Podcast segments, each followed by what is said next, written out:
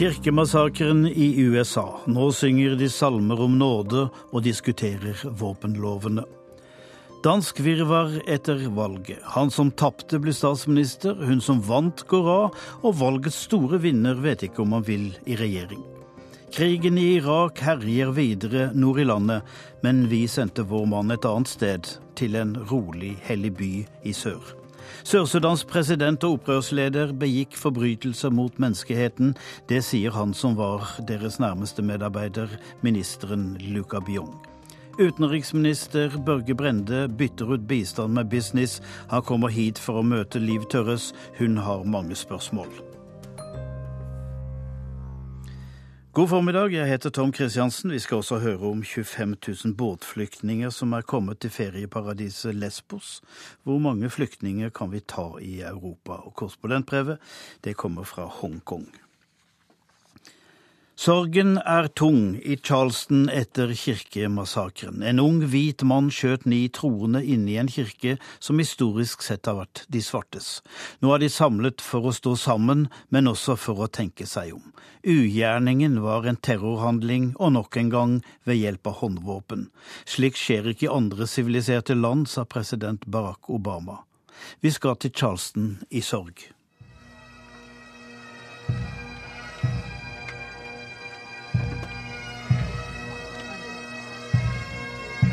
Charlestons eget sekkepipeorkester, med alle i skotske kilter, åpnet minnestunden med det som må være verdens mest kjente sang om nåde, 'Amazing Grace'. Tidligere på dagen ble det kjent at Dylan Roof hadde tilstått drapene, og på rettsmøtet der Roof deltok på videolink, hadde flere av de etterlatte fortalt ham at de har tilgitt. Roof satt med bøyd hode og viste ikke følelser.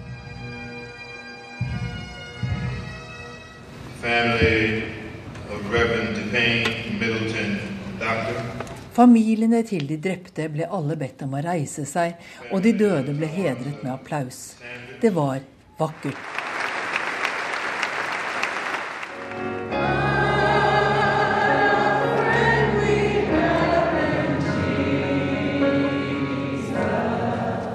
Hvilken venn vi har i Jesus, var en av sangene som kunne forene katolikkene, protestantene, baptistene, metodistene og jødene som var til stede. Alle snakket de om samhold, før borgermester Joseph Riley tok ordet og ble mer politisk. Hvis den unge mannen trodde han kunne splitte oss med sitt rasehat, så skal vi sende beskjed til hele landet om at han feilet totalt, sa Rayleigh. Rasisme, ja, det er de fleste enige om. Men var det terrorisme? Eller angrepet på kristendommen fordi det skjedde i en kirke? En radiovert på en av de mange kristne radiostasjonene på min bilradio stilte spørsmålet om hvorfor han måtte gjøre det i en kirke. Kunne han ikke valgt et annet sted hvor svarte samles, og unngått å sverte Guds hus? Senator og republikansk presidentkandidat Lindsey Graham er fra denne delstaten, og en av hans første kommentarer var at det dreide seg om en forvirret gutt på leting etter kristne for å drepe dem. Jeg fikk øye på Graham under minnestunden og spurte ham om Roof kan kalles en terrorist. Uh,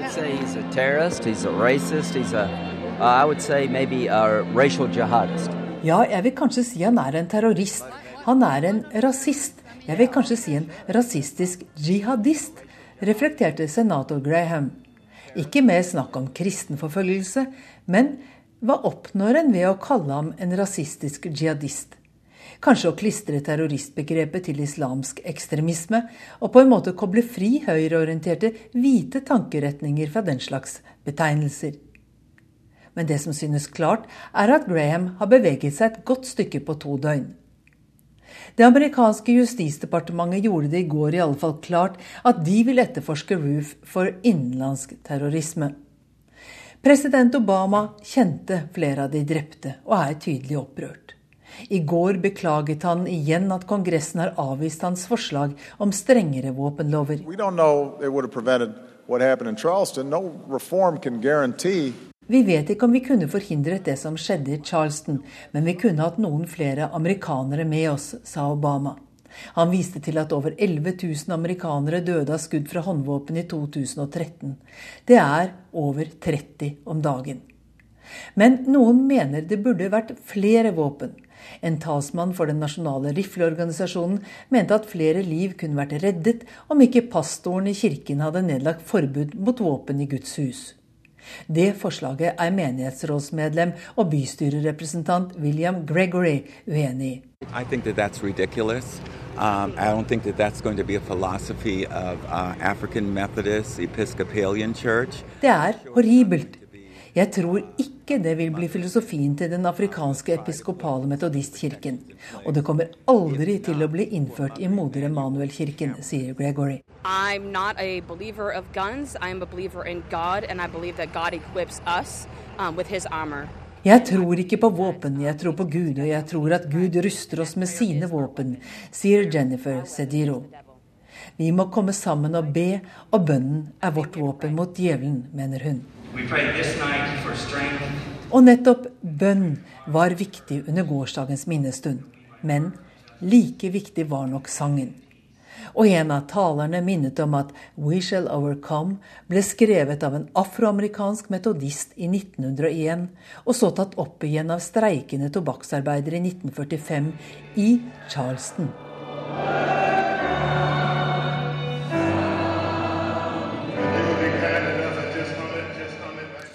Men før kirkemassakren var det en annen historie om svarte og hvite i USA som fikk all oppmerksomhet. For hør bare. I delstaten Washington er det en hvit kvinne som arbeider med afroamerikanske spørsmål. Og på mange år, i mange år har hun utgitt seg for å være svart. Og hvorfor det? Og hva så? Vår andre USA-korrespondent, Tove Bjørgaas, forteller historien. Are you an African American woman? Jeg identifiserer meg som svart, sier Rachel Dolitschall.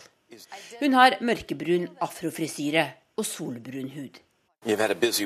Programlederen i NBCs frokost-TV viser henne et bilde av henne selv da hun var yngre. En hvit kvinne med blondt hår, grønne øyne og fregner. I would say that visibly she would be identified as, as white by people who see her. Jo da, bekrefter Rachel Dolezal. Hun var hvit. The discussion is really about what it is to be human, um, and and I hope that that really can drive at the core of definitions of race. Historien om Dolezal er underlig og veldig amerikansk. Den har fått nasjonal oppmerksomhet her den siste uka og sier mye om hvor betente følelser rase fortsatt utløser i USA. Hun er 37 år gammel og kjent som en lokal afroamerikansk aktivist i det nordvestlige USA. Fram til denne uka ledet hun lokallaget til NAACP, den største organisasjonen for afroamerikaneres rettigheter. Men det var fram til løgnen hennes ble avslørt. Dolitschall hadde bedt politiet etterforske rasistiske hatbrev hun skulle ha mottatt. Da politiet sporet opp foreldrene hennes, viste det seg at de er hvite.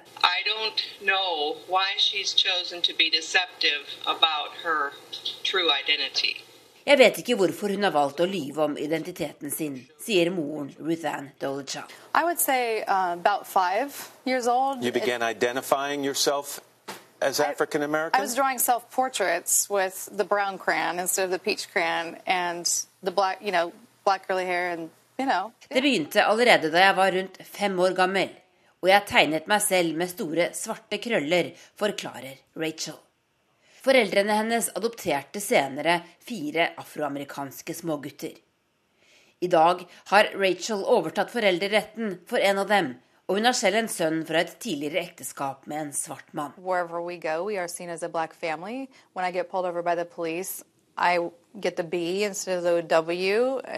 Vi er en svart familie.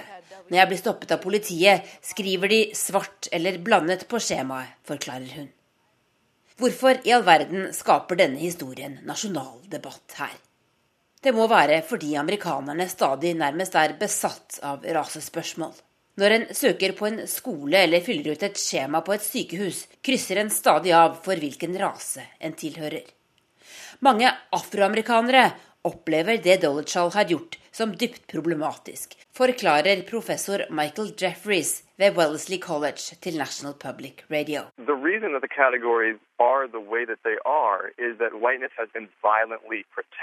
Vi har disse kategoriene fordi det å være hvit gjennom amerikansk historie har vært beskyttet med vold. When she moves into a different racial category, it is completely her choice. That's a choice that brown skinned folk can never make in the opposite direction. They cannot choose to enter into whiteness because of the way that whiteness is policed both legislatively and socially. En svart person kan ikke gjøre som Dolly Child og flytte til den hvite kategorien, forklarer han. Mange svarte er opprørte over det hun har gjort, fordi de mener hun kan velge når hun vil være svart og når hun vil være hvit. Svarte i USA finnes i alle sjatteringer, om en kan bruke et slikt uttrykk. Å være blandet har vært vanlig i flere hundre år, ikke minst fordi mange slaveeiere satte barn på slavene sine.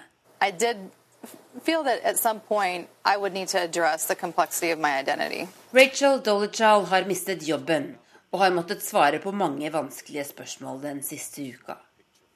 Hun mener hun akkurat som transseksuelle må kunne identifisere seg som en annen rase enn den hun er født i. Og hun har ingen planer om å bli hvit med det første. I'll continue to be me. That's for sure. I'm not, I'm not, I have no plans to do anything different than what I was doing.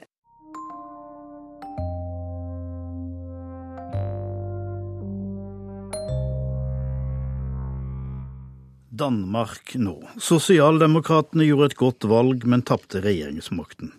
Venstre, som i Danmark ligger til høyre, tapte valget, men skal danne regjering. Mens det største borgerlige partiet, Dansk Folkeparti, ikke vet om de vil i regjering. Og Tove Irén Spissøy Gerhardsen, du er i København og har vel lest avisene over noen ferske croissanter.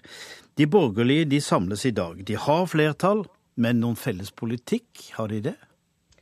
Nei, det er nettopp det som er problemet. Eh, det er, godt, det er mange nyanser av blått i denne her blokka. Eh, de, de, har flertall, men det spriker veldig i forhold til hva de vil politisk. Og det er et psykologisk spill som foregår nå, som ville fått TV-serien Borgen til å bleikne, skriver avisene. Eh, Dansk Folkeparti har nemlig blitt det største partiet i blå blokk. Mye større enn Venstre, som er gått tilbake men likevel sitter en svekka Løkke og skal prøve å samle troppene. Det handler om at Dansk Folkeparti har eh, sterke krav om f.eks. offentlig sektor, velferd. De vil ha 0,8 vekst. Venstre har gått til valg på 0% vekst. Allerede der har du et problem. Og så har du Liberal allianse, som har gjort et knallgodt valg med 13 nye mandat, som vil ha veldig, veldig liten offentlig sektor.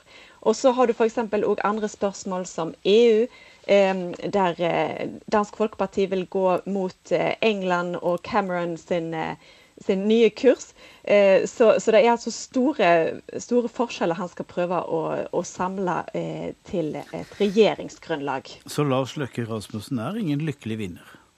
Nei, ei overskrift her i dag har vært 'Forslået mann vakler videre'. Og da summerer nok litt opp hvordan danskene ser på det. Han har, eh, han har gitt alt i denne valgkampen. Det har vært en personlig valgkamp for Løkke.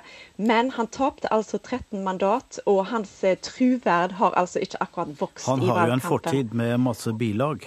Det er nemlig det. Det har vært eh, rot i eh, økonomien, privat og offentlig. Eh, og kvitteringer har vært et nøkkelord her som har blitt brukt imot han. Ehm, og han har prøvd å samle seg, men, men f.eks. i dag så er det 59% av leserne i BT en undersøkelse som ikke mener at han er den beste lederen i blå blokk. Han er i lomma på Thulesen Dahl fra, fra Dansk Folkeparti, men det er nå engang han de har pekt på. Så det blir spennende å se hvordan han klarer det. Dansk Folkeparti ble jo det største borgerlige partiet. Dette er jo en sånn litt råere utgave av Fremskrittspartiet, om vi kan si det sånn. Men hvem var det som stemte på dem? Ja, da er det store spørsmålet som den intellektuelle eliten i Danmark eh, våkna opp til eh, fredag, når de så at Dansk Folkeparti hadde fått 21% av stemmene imot alle eh, undersøkelser og meningsmålinger. Geografisk sett så er de veldig sterke i Sønderjylland og deler av Sjælland eh, altså i dag en kan kalle utkants-Danmark. Og det er enda større forskjell mellom by og land i Danmark enn i Norge. Og nå kommer det kanskje til å bli forsterka.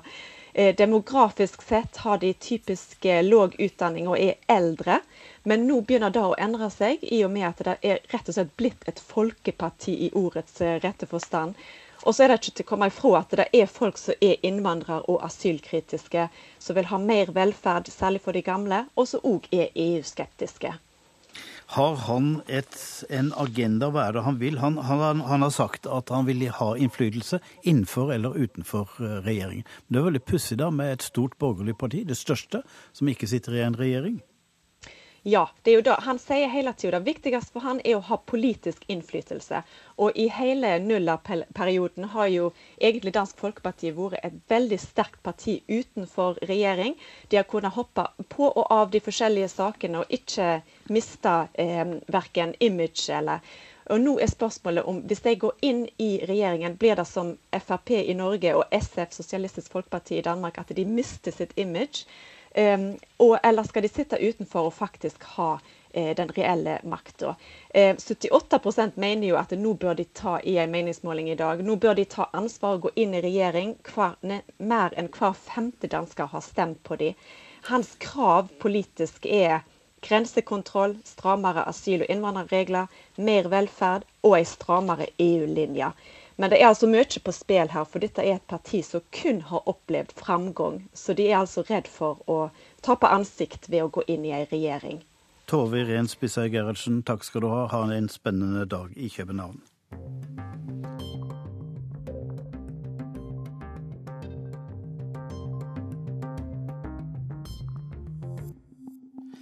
I Irak herjer krigen i de sunnimuslimske områdene i nord, og det er den vi hører om. Sør for Bagdad derimot virker krigen langt unna, her er det stort sett fredelig. Men folk er nå likevel opptatt av dårlig økonomi og av krigen. Vi sendte korrespondent Sigurd Falkenberg Mikkelsen til Nashaf, denne for sjiamuslimer hellige by. Den har endret seg mye. Alama, alama. En gammel dame trilles inn over nye og skinnende rene marmorfliser. En ung jente leker. Familier som rusler rolig til de nye, gjennomsiktige plastboksene med nøkkel, hvor man legger fra seg sko før man trer inn i det aller helligste. Over dem henger gigantiske parasoller og lerreter som beskytter de troende mot den brennhete solen, etter sigende levert av en tysk produsent. På den andre kanten av byen er det laget en ny og moderne handlegate sjiamuslimenes hellige by Najaf her i Irak er ikke hva den en gang var.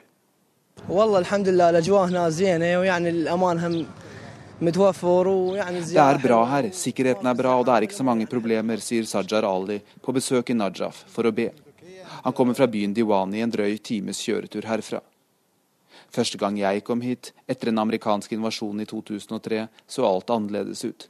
Rett nok lå gulldomen der med mosaikken og Imam Alis grav, men det var ikke noe forseggjort plass rundt moskeen. Den forfalne gamlebyen lå klemt tett inntil, og fattigdommen var tydelig. Den gang ble byen holdt nede av Saddam Husseins styre, som fryktet at sjiamuslimene skulle organisere seg politisk og utfordre hans makt. Nå er det sjiaene som styrer i Bagdad, og det synes her i Najaf. For selv om myndighetene ikke har gjort stort for folk flest, og det er også misnøye med dem blant sjiamuslimer, så speiler Najaf at et maktskifte har funnet sted. Najaf er i tillegg til å ha Imam Alis grav det viktigste lærestedet og bosted for de mest kjente geistlige figurene, som Ayatollah Ali Sistani. Det var hans fatwa som ledet til den voldsomme sjiamuslimske mobiliseringen mot IS i fjor. Nettopp derfor er Najaf et naturlig mål både for IS og andre terrorgrupper, og gitt situasjonen i resten av landet skulle man trodd det var mer spent her. Men det er lenge siden det har vært et angrep i Najaf. Guvernøren i byen, Adnandal Surufi, tar noe av æren for dette. Well, uh, even even we have all ayatollahs here in Najaf, and I don't think so. Nobody can come to Najaf and do any bad things. It's very hard because it's uh, han sier at selv om alle ayatollahene bor her, tror han ikke noen kan angripe Najaf. Han sier de har et godt samarbeid med hæren, etterretningen og de sjiamuslimske militsene, og at de har fokusert på grensene. De har fjernet kontrollpostene inne i byen, men de holder veldig god kontroll med grensene, mener han. Surufi har et amerikansk pass i tillegg til sitt irakiske, og har også bodd i Chicago. Han er den eneste av de lokale lederne som ble utnevnt av de amerikanske okkupasjonsmyndighetene, som fortsatt er i posisjon. Han ble valgt til guvernør i 2009 etter en politisk avtale, men vant valget i 2014 på egen hånd. Han gjør ikke noen hemmelighet av en bestemt lederstil, men hans fokus på økonomien i byen har skaffet ham tilhengere. Well, in, in economic development, uh, we focus to increase industrial. Uh, I gave uh, five uh, vi prøver å øke industriproduksjonen her. Jeg har utstedt fem investeringslisenser til sementfabrikker, og vi prøver å holde liv i små og mellomstore bedrifter, sier han.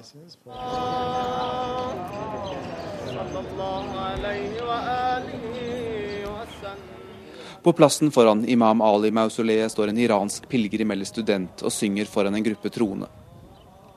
De iranske pilegrimene kommer i store mengder til Najaf pga. Imam Ali. Han ligger gravlagt her og ses på av sjiamuslimene som den rettmessige arvtakeren etter profeten Mohammed. Og det er dette som er kjernen i skisma mellom de to retningene innen islam. Den iranske innflytelsen gjør seg gjeldende på mange plan, både politisk og religiøst, og mange spør seg hva som vil skje når den aldrende Ayatollah Ali Sistani går bort.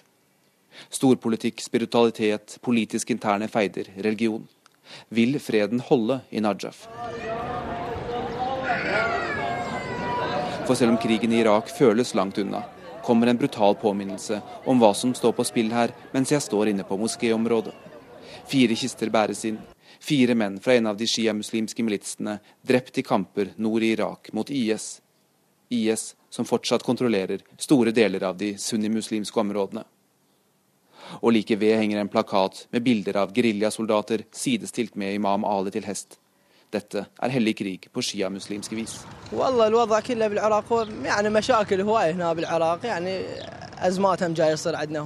Jeg vet det er mange problemer i Irak, kriser og eksplosjoner. Mange er også uten arbeid. Så vi kommer hit for å hente styrke hos profeten Mohammeds familie, sier Sajar Ali, før han forlater Najaf og drar til hjembyen sin. Men i motsetning til andre deler av Irak, han kan dra med vissheten om at han kommer trygt hjem, og at han også, hvis han ønsker det, snart kan vende tilbake hit til Najaf.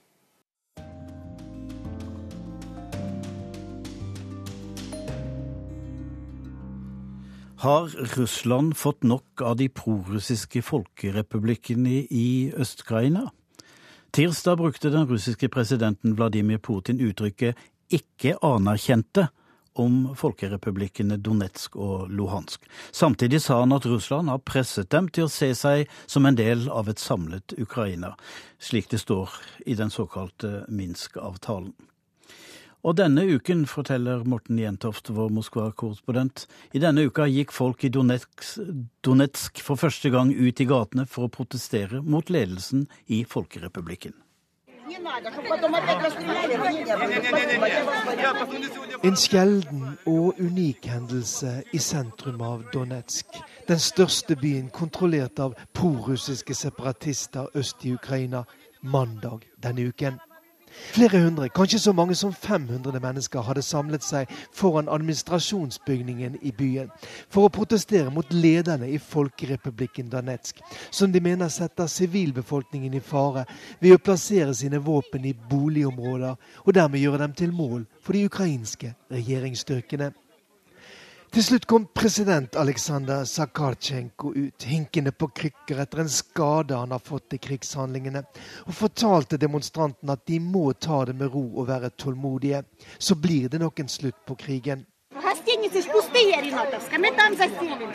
Men nå er vi lei av krigen, sa en eldre kvinne, før demonstrasjonen langsomt oppløste seg.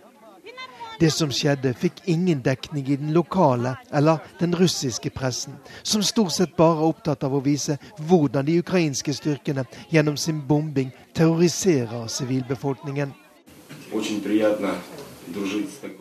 Noen dager tidligere, i det russiske federasjonsrådets bygning i sentrum av Moskva, Flere ledere fra de prorussiske separatistene i Ukraina er kommet for å fortelle russiske politikere om den vanskelige situasjonen i folkerepublikkene Danetsk og Luhansk. De får selvfølgelig full sympati, og alle fordømmer den ukrainske regjeringen i Kiev. Men det er likevel en noe tilbakeholden støtte, i alle fall i forhold til et lignende møte i januar. Da ble det fremdeles snakket om mulighetene for et Novorazia, et nytt Russland, i den delen av Ukraina der russisk språk og kultur står sterkt. Et område som på sikt kunne integreres i Russland. Men nå er det ingen i Russland som snakker om Novorazia. Ideen er lagt død. Россия со своей стороны, вот сегодня уже обсуждался тот же вопрос, нам помогают. Maksim Letsjenko er sjef for presidentadministrasjonen i Folkerepublikken Danetsk. Og når jeg spør ham om han mener at Russland er i ferd med å svikte de prorussiske separatistene, så sier han at han ikke ser det slik. Russland fortsetter å hjelpe oss for fullt. De sørger for at våre barn får muligheter til å komme på sommerleire. Og de sender humanitær hjelp, sier mannen som altså er opprørspresident Aleksandr Sakartsjenkos nærmeste medarbeider. Denne uken møtte Russlands president Vladimir Putin sin finske kollega Sauli Ninistø her utenfor Moskva. Og det kanskje mest interessante som kom ut av møtet, var da Putin svarte på hva han har gjort for å få til fred mellom de prorussiske separatistene og den ukrainske regjeringen i Kiev. И оказываем возможное влияние на одну из сторон этого конфликта, на Донецкую и на Луганскую непризнанные республики. Vi har lagt press på den ene parten i konflikten, de ikke anerkjente folkerepublikkene Danetsk og Luhansk, sa Putin.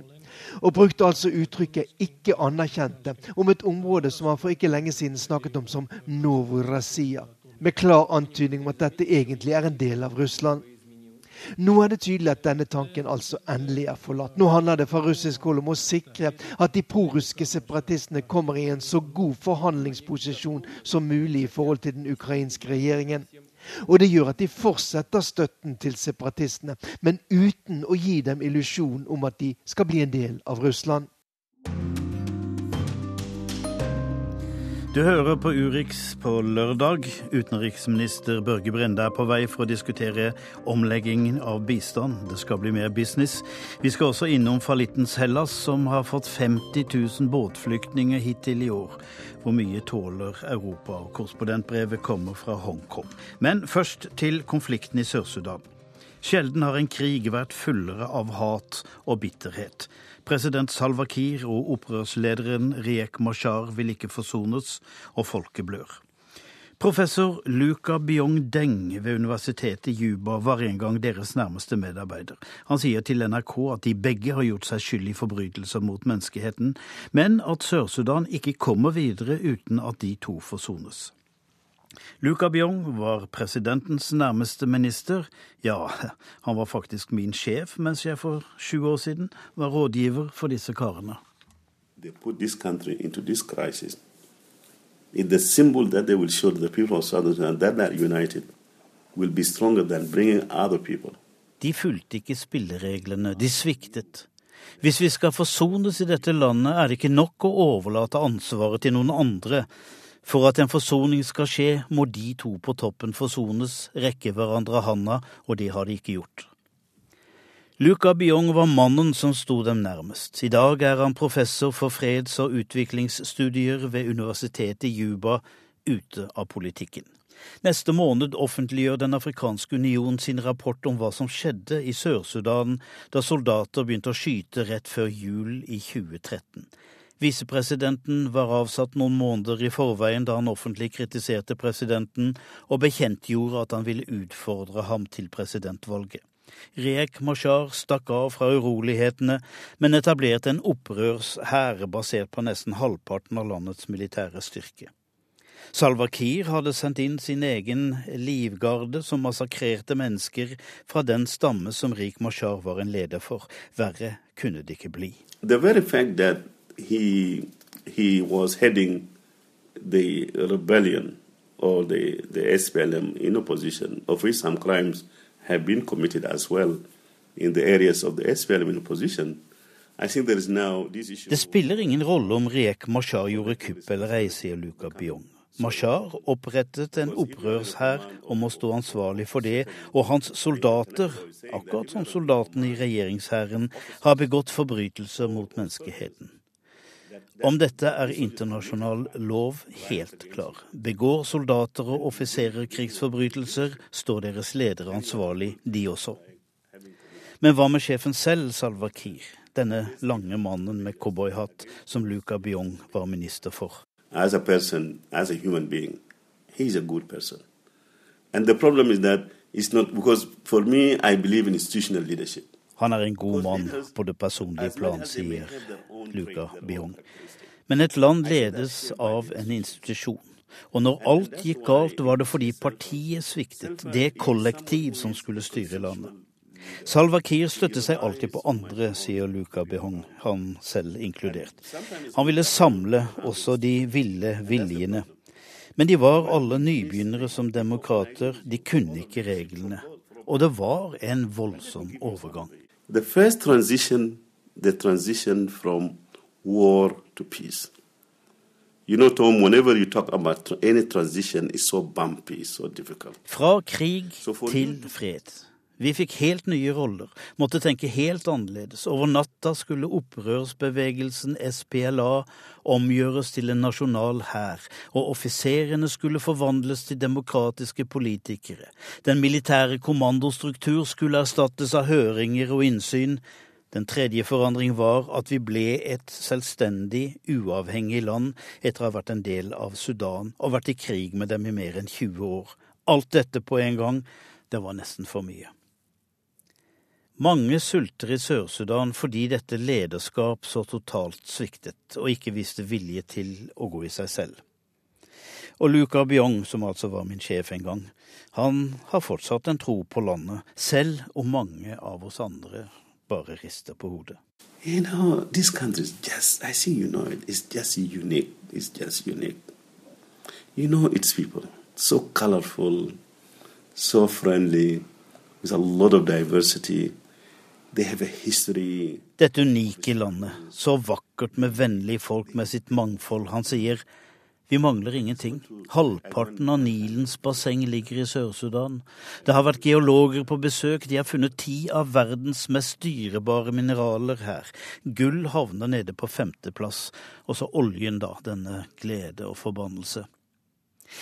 Og tenk på hva vi har holdt ut, sier han. Vi har kjempet mot de muslimske fundamentalister. Vi sto alene, med litt hjelp fra for eksempel Norge. Men krigen de nå kjemper, handler om ærgjerrige menn. Kan det bli fred en gang til? Ja, sier han, men da må det ledende partiet SPLM med sine ledere som rotet det hele til, få orden i sitt eget hus. Det er possibilities for peace in South Sudan. And some of us were saying that SPLM must put its house in order.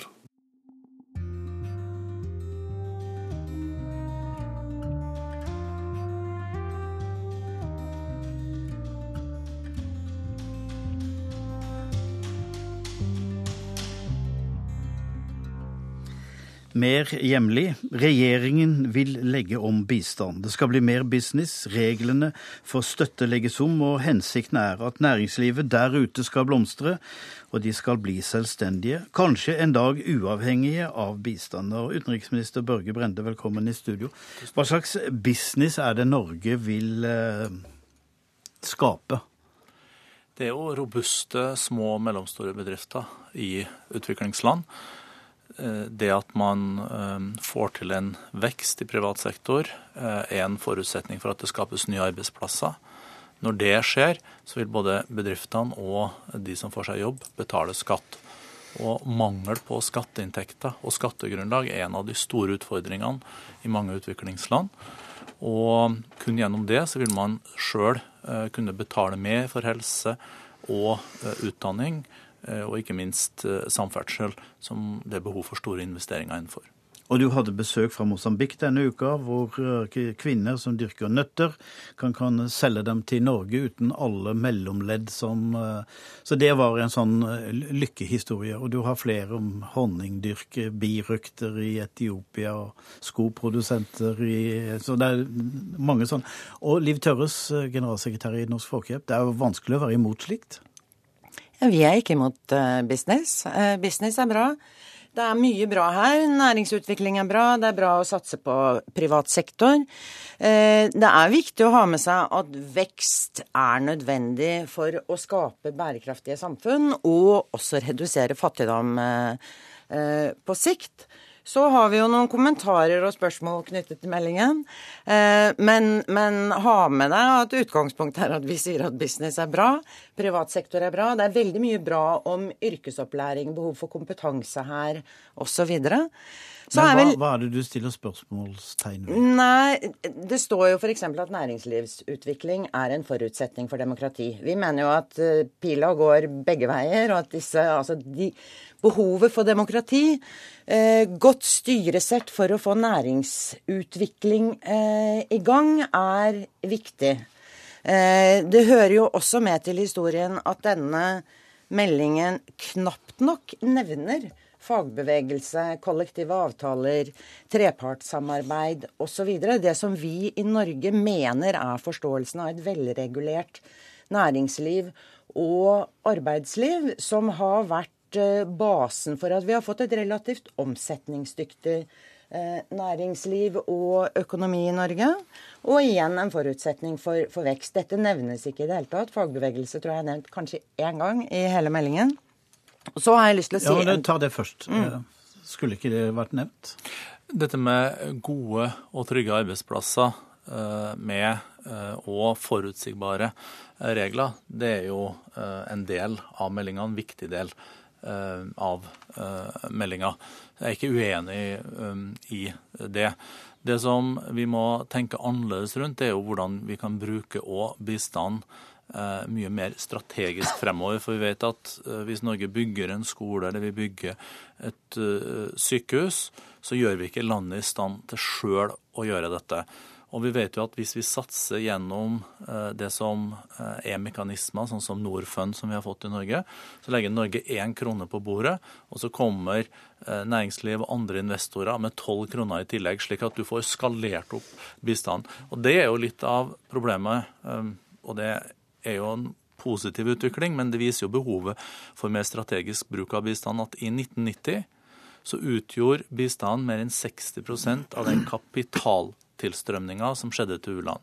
I dag så utgjør bistanden 21% Gått fra 60 til 21. Det betyr at investeringer betyr mye mer enn nå. Men når det gjelder disse investeringene, så er jeg enig med Tørres og øh, Folkehjelpa at investeringene må Eh, være bærekraftig.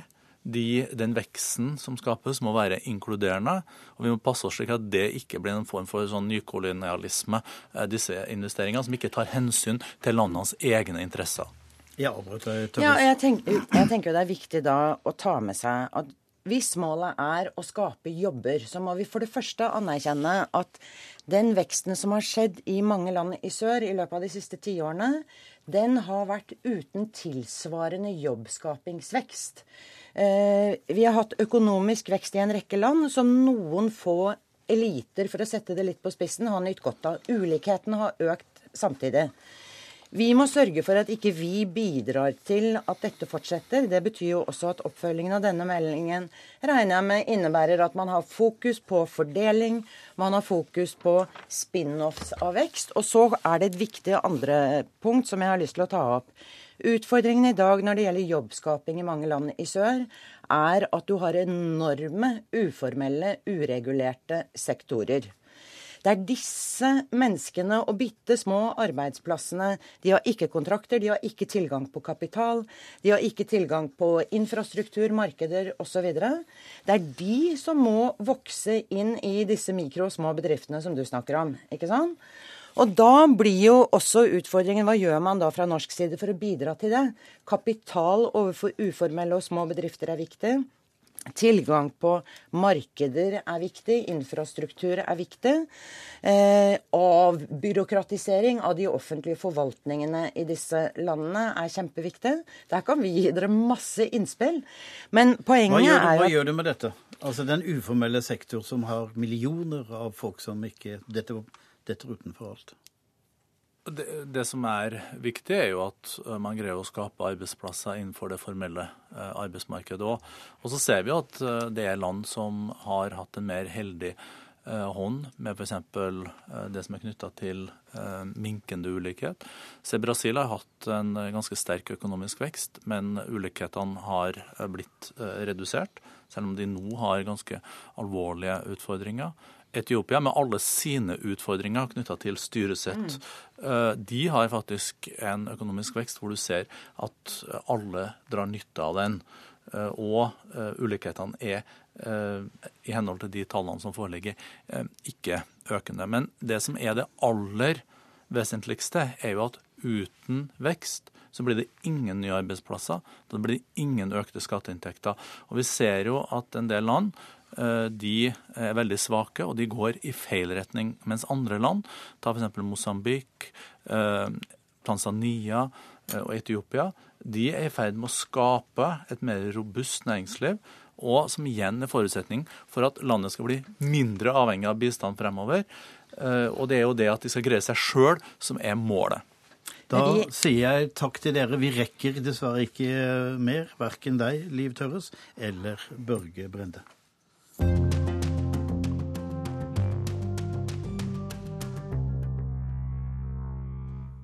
Hvor mange flyktninger kan vi ta her i Europa? Det spør folk seg i det ruinerte Hellas. Båtflyktningene strømmer inn, de kommer fra Syria, Afghanistan og Irak. Antallet er seksdoblet fra i fjor, så hvor mange kan grekerne ta? Hittil i år er det kommet over 50 000, halvparten til ferieøya Lesbos. Sitt stille i båten, roper mannskapet fra det greske kystvaktskipet. Nok en liten gummibåt fylt til randen av utmattede flyktninger nærmer seg kysten av Hellas. Nå har de redningen i sikte. Dra dere inn, ropes det fra Kystvakten, og én etter én blir flyktningene løftet om bord. De smiler, for etter den strabasiøse flukten fra urolige hjemland har de nå redningen i sikte. Lesbos, ferieøya. Til fots går de mot hovedstaden Mytilini og det de håper er en ny fremtid. Han ønsker seg selv velkommen, flyktningen fra Syria, men velkomsten på Lesbos er ikke like hjertelig. Ikke fordi grekerne ikke vil hjelpe, men fordi flyktningproblemet vokser dem over hodet. I år har det kommet over 25 000 båtflyktninger hit. Og selv om Lesbos er den tredje største øya i Hellas, har de ikke kapasitet til å ta seg av dette. På rådhuset i Mytilini sitter Spyros Galinos. Den gråhårete ordføreren ser trett og sliten ut.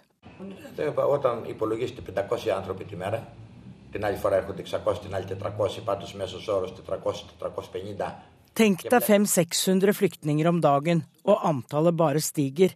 Det dreier seg om mange tusen, sier ordføreren på Lesbos, Spyros Galinos. Αυτό το νησί έχει μια φέρουσα ικανότητα. Ούτως ή άλλως και εγώ έχω κάποιες δυνατότητες, δεν έχω απεριόριστες δυνάμεις. Denne øya har ikke stor nok kapasitet til å ta imot alle flyktningene. Vi trenger hjelp fra verdenssamfunnet, særlig EU, hvis vi skal klare dette. For jeg kan ikke bære dette på min egen rygg, sier en sliten ordfører Galinos. Flyktningene ender i inngjerdede mottakssentre. For mange ble det ikke slik de hadde tenkt. There is no beds. Uh, there is anything. Bed. No bed. No beds. No. Vi har ikke senger her. Ingenting, sier denne syriske flyktningen til britiske ITN. I kafeen sin i Mytilini forstår kaféeieren at flyktningene ikke har det lett. Men problemene tårner seg opp. We sorrow for these people. We help them. But uh, we haven't our problems.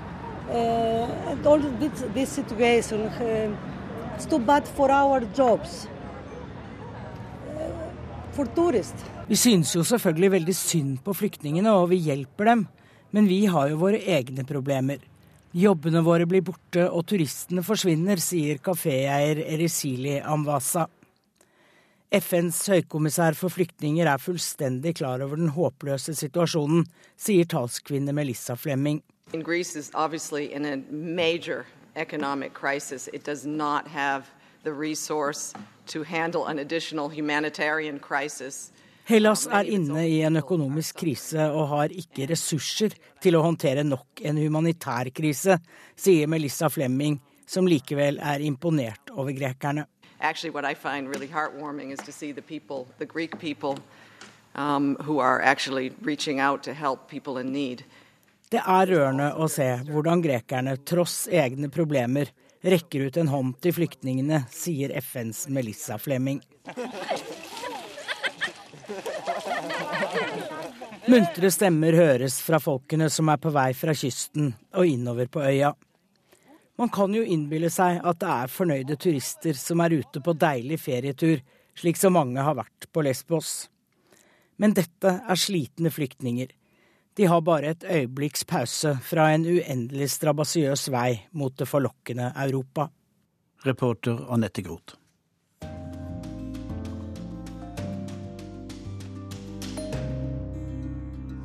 Så til det som er høydepunktet for mange lyttere, korrespondentbrev. Det er signert Peter Svaar, og det kommer denne uka fra det dampende Hongkong. Den klamme heten og de travle gatene er de samme. Men ellers var det et annet Hongkong jeg kom tilbake til denne uken.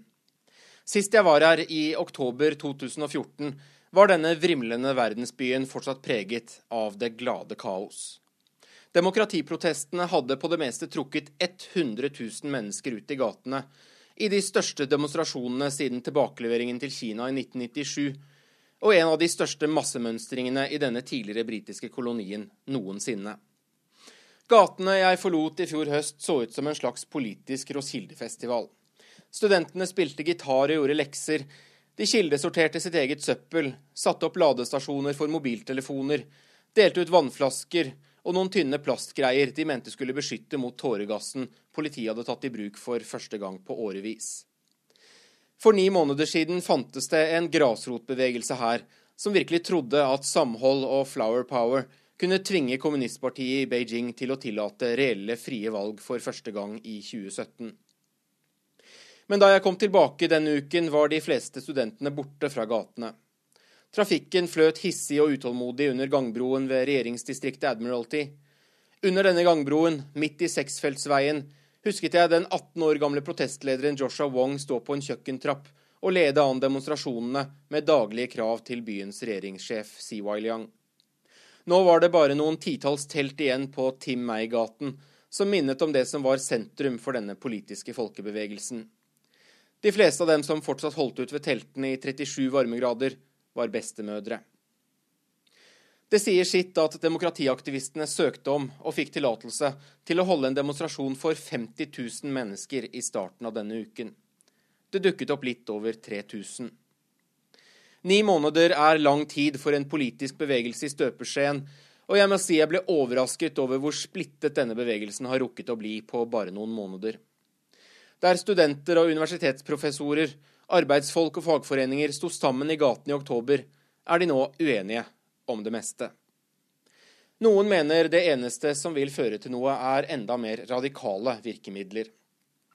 Denne uken ble da også ti personer arrestert og politiet sier de kan knyttes til såkalte localist-grupper, som vil bryte helt med ordningen med ett land, to systemer, og løsrive Hongkong fullstendig fra fastlandet. De skal ha blitt tatt på fersken med flere kilo bombekjemikalier, og politiet her sier de planla et attentat. Andre mener Hongkong bør jobbe for demokrati, men samtidig beholde et godt forhold til fastlandet. De mener byens spesielle status som bindeledd til Kina har blitt mindre verdt nå som Kina selv har åpnet markedene og Shanghai har overtatt som finanssentrum. Ni måneder er lang tid for mange av dem som deltok også. Jeg husker Elisabeth, som jeg fulgte tett her i fjor høst. Den 22 år gamle politikkstudenten tilbrakte flere uker ute på gatene. Hun og vennene hennes var fulle av ungdommelig optimisme og energi, grepet av dette nye fellesskapet som rådet langs teltdukene, de trodde at demonstrasjonenes store omfang og verdensomspennende medieoppmerksomhet virkelig ville tvinge frem politisk endring. Da jeg traff henne igjen denne uken, kjente jeg henne først ikke igjen. Piercingen og den røde luggen var borte, og Elisabeth så ut som hun kom rett fra jobben på et av byens advokatkontor. Jeg ble arrestert i desember, forklarte hun. Hun var i gruppen av de aller siste, de som nektet å gi opp og reise hjem, etter hvert som Hongkong-politiet sakte ryddet gate etter gate med demonstranter utover høsten, og protestleirene ble stadig mindre. Men Elisabeth holdt ut til det siste, inntil Occupy-bevegelsen i fjor for hennes del endte med en natt på betonggulvet i politiarresten her. Hva syns moren din om det, spurte jeg, vel vitende om at hun aldri var særlig begeistret for protestvirksomheten i fjor høst. Elisabeth bor med mor og søsken i en av de knøttsmå leilighetene som ligger i endeløse bomaskiner, en time med buss ut av Hongkong sentrum. Titusenvis av mennesker bor i hvert kompleks. Det er hele familier stuet sammen på 30-40 kvadratmeter. Men sånn er livet for Hongkong-folk uten lange titler og jobb i bank i denne byen med verdens dyreste eiendomsmarked. En toromsleilighet her koster fort åtte millioner norske kroner, og for de fleste er det å etablere seg med eget sted å bo bare en fjern drøm. Mange bruker 18-årsdagen til å stille seg i kø her ved de sosiale boligprosjektene, som har en ventetid på 20-30 år. Mye av sinnet under fjorårets protester rettet seg også mot Hongkongs finanselite og deres grep om nettopp eiendomsmarkedet. Elisabeth sier hun aldri fortalte om arrestasjonen til sin mor. Hun sa hun sov hos en venninne isteden. Men denne natten på politistasjonen ble, for hennes del, likevel et slags punktum. Bevegelsen er splittet nå, bekrefter hun. Håndteringen av fjorårets demonstrasjoner skapte mye uenighet, etter hvert som resten av Hongkong i stadig større grad mistet tålmodigheten med blokkerte veier og tapte turistinntekter. Alle de som teltet ute i gatene, hadde jo også etter hvert jobb og studier de måtte tilbake til. Mens protestene var så store i fjor, var det paradoksalt hvor små de var denne uken. Når hele skjebnen til den omstridte valgreformen faktisk skulle avgjøres. For denne uken voterte Hongkongs lovgivende forsamling over det omstridte forslaget, en valgordning der bare to til tre kandidater, forhåndsgodkjent av en Beijing-vennlig komité, får lov til å sette navnet sitt på stemmeseddelen. Som et ekteskap der du kan velge mellom tre kandidater foreldrene dine har pekt ut, var spøken her. Men establishmentet, om jeg kan si det slik, var forberedt. Utenfor den lovgivende forsamlingen var det satt av to adskilte protestområder med et gjerde i midten. Beijing-vennlige demonstranter sto på én side, mens demokratibevegelsen sto på den andre. Og onsdag kveld sto jeg omtrent i midten, og ble offer for det som var en ren lydkrig mellom de to leirene. Begge hadde enorme høyttaleranlegg rettet direkte inn mot sin motstander. På en liten scene prøvde gruppen med såkalte pandemokrater å snakke til forsamlingen. De 27 har gått sammen i en gruppe som har lovet å stemme mot forslaget til valgreform, og nå sto de her på scenen. Det var bare det at det ikke var mulig å høre dem. Motparten på andre sida av gjerdet begynte å spille gamle Mao-sanger, samtidig som de viftet demonstrativt og provoserende over gjerdet med store og små kinesiske flagg. Jeg prøvde å få et intervju med noen av disse Beijing-vennlige demonstrantene, men absolutt alle jeg snakket med, bare ristet på hodet. Mange av dem hadde på seg like klær, en slags fotballtrøyer, og jeg så at de gikk frem og tilbake til et stort område på en gressplen bak parlamentsbygget mellom slagene. Der var det satt ut plaststoler under de skyggefulle trærne, og det var både vann og matservering. Dette var yrkesdemonstranter i ordets rette forstand. Har dere fått betalt for å komme hit, spurte jeg en som til slutt ville snakke med meg, en eldre mann som het Peter Mock. Ja, selvfølgelig, svarte han. Begge sider har fått betalt. Hvordan tror du ellers de kan stå her hele dagen? Han vedgikk at mange av demonstrantene kom fra utkanten av Hongkong, opp mot grensen til fastlandet, flere timers busstur unna. Men han gjentok samtidig et syn som deles av mange i Hongkong nå. At byen er avhengig av et godt forhold til Fastlandskina, og at det ikke er så urimelig at regjeringen i Beijing vil ha et valgsystem som luker ut separatister. Hongkong er jo ikke et selvstendig land, minnet han meg om, selv om byen har egne lover, eget politi og egne pass.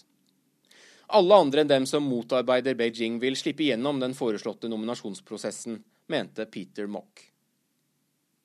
At forholdet til fastlandet er motsetningsfylt, fikk jeg et annet eksempel på inne i selve parlamentsbygget denne uken. Etter å ha banet meg vei gjennom alle lag av politisperringer og sikkerhetsvakter, sto jeg til slutt på kontoret til parlamentarikeren Leung Kok-hung, eller Longhair, som han kalles her. Han er på sett og vis Hongkongs svar på Hallgeir Langeland. Longhair er for Che Guevara, men mot kommunistpartiet i Beijing. Plakatene av den latinamerikanske sosialisthelten henger på kontorveggen ved siden av et gult banner hvor det står 'Løslat Liu Xiaoboa'. Når valgreformen faller, må vi jobbe for å restarte hele den politiske konsultasjonsprosessen, mente Longhair. Han mener at i teorien bør man nå rykke tilbake til start og begynne å arbeide med å meisle ut et nytt og mer demokratisk valgsystem for Hongkong. Det har Beijing allerede sagt at blir uaktuelt, og sant å si er jeg bekymret for hva som vil skje nå i denne byen i månedene og årene fremover. Det gamle valgsystemet, der regjeringssjefen skal utpekes av en komité, er neppe holdbart for en generasjon unge her, som snakker engelsk, og som frykter å bli underlagt kommunistpartiets styre når overgangsavtalen med britene utløper i 2047. Men for Elisabeth er det andre og viktigere valg som må tas. Hun leter etter jobb. Hvis du spør meg hva vi skal gjøre nå, så har jeg ikke noe godt svar, sier hun. Jeg vet ikke om det er noen her som egentlig har det. Det var Rurix på lørdag. Ansvarlig for denne sendinga Hanne Lunås og Hiba Saudaya. I studio Tom Kristiansen.